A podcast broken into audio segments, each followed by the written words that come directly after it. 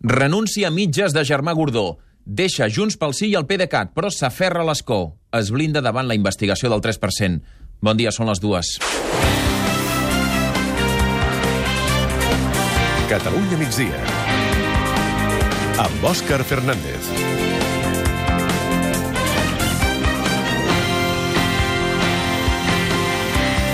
L'exconseller de Justícia, Germà Gordó, finalment ha fet un moviment després que el TSJ va decidir investigar-lo pel fet de ser, presumptament, l'intermediari entre comissions il·legals provinents d'empreses i Convergència Democràtica.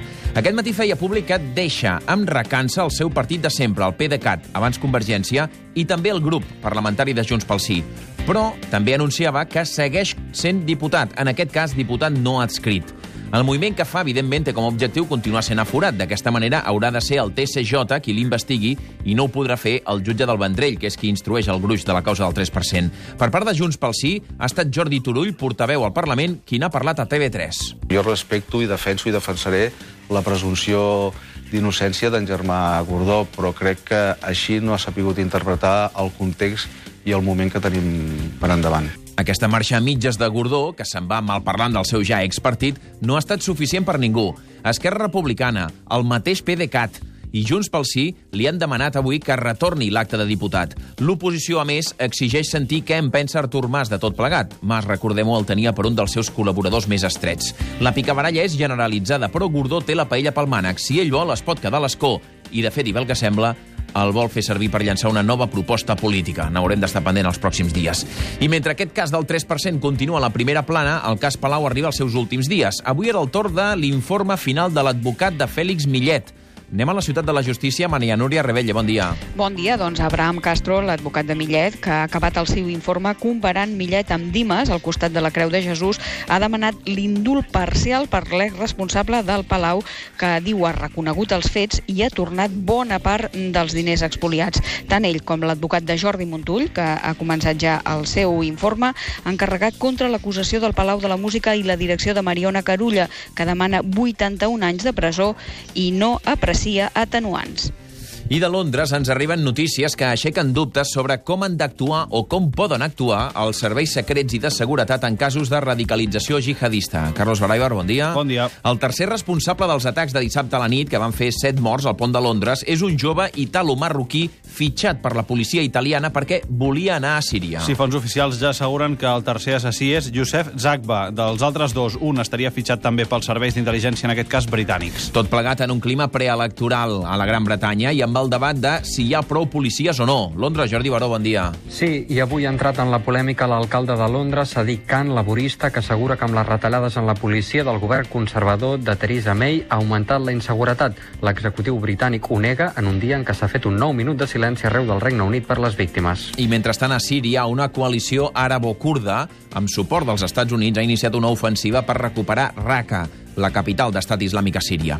La lluita per l'hegemonia al Pròxim Orient té aquests dies, ja ho sabeu, efectes palpables. Per exemple, pels usuaris de l'aerolínia Qatar Airways.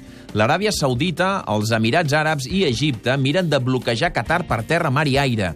I ara l'Emirat ha de desviar els vols que creuaven la península aràbiga per l'Iran, la qual cosa obliga a allargar molt els vols i també a disparar les despeses. De moment, Qatar estén la mà per intentar negociar una sortida a aquesta crisi.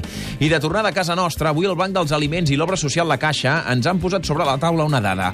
Un de cada quatre nens catalans no poden consumir un litre de llet setmanal, que és el que recomanen els nutricionistes. Per pal·liar aquest dèficit, dilluns que ve comença una nova edició de la campanya de recollida de llet. Elena Carrillo, nutricionista, parla de la importància de la llet, especialment en famílies amb mancances. És un aliment molt nutritiu, no només a nivell d'energia, sinó de proteïna, de calci i de vitamines que el nostre cos necessita i, per tant, especialment en famílies que poden tenir carències, és un aliment bàsic. De la cultura avui destaquem la Mostra Internacional de Films de Dones, que engega avui a Barcelona. El gruix d'activitats de la seva 25a edició inclou fins a 60 pel·lícules de realitzadores de tot el món. La programació d'aquest any, que es podrà veure entre la Filmoteca de Catalunya i algunes places públiques de Barcelona, combina l'aposta per directores emergents amb una mirada retrospectiva cap al passat. La mostra dura fins al 13 de juliol. I quan passin 5 minuts de dos quarts de 3 serà el moment de les notícies més pròximes. Què és el més destacat avui a Lleida, Pere Joan Alvarez? Normalitat, doncs, a la granja d'Escarpa, la baixa gria després que els temporers que s'havien declarat en vaga hagin tornat a treballar. L'alcalde Manel Soler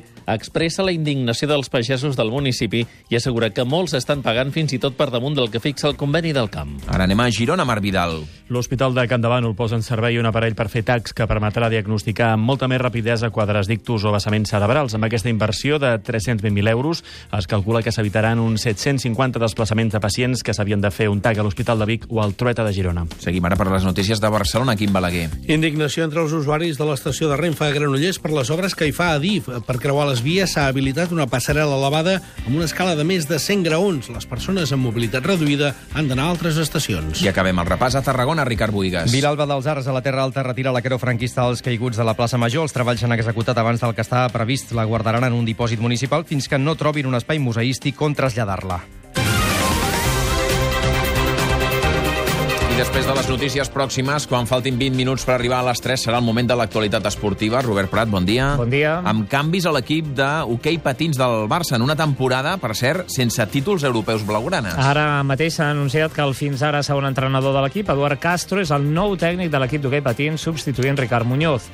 Nacho González ha anunciat que no continua l'any que ve com a entrenador del Reus de Futbol. Ara també es disputen els primers partits de quarts de final de Roland Garros en categoria masculina, Carreño contra Nadal i Dominic Thiem contra Novak Djokovic.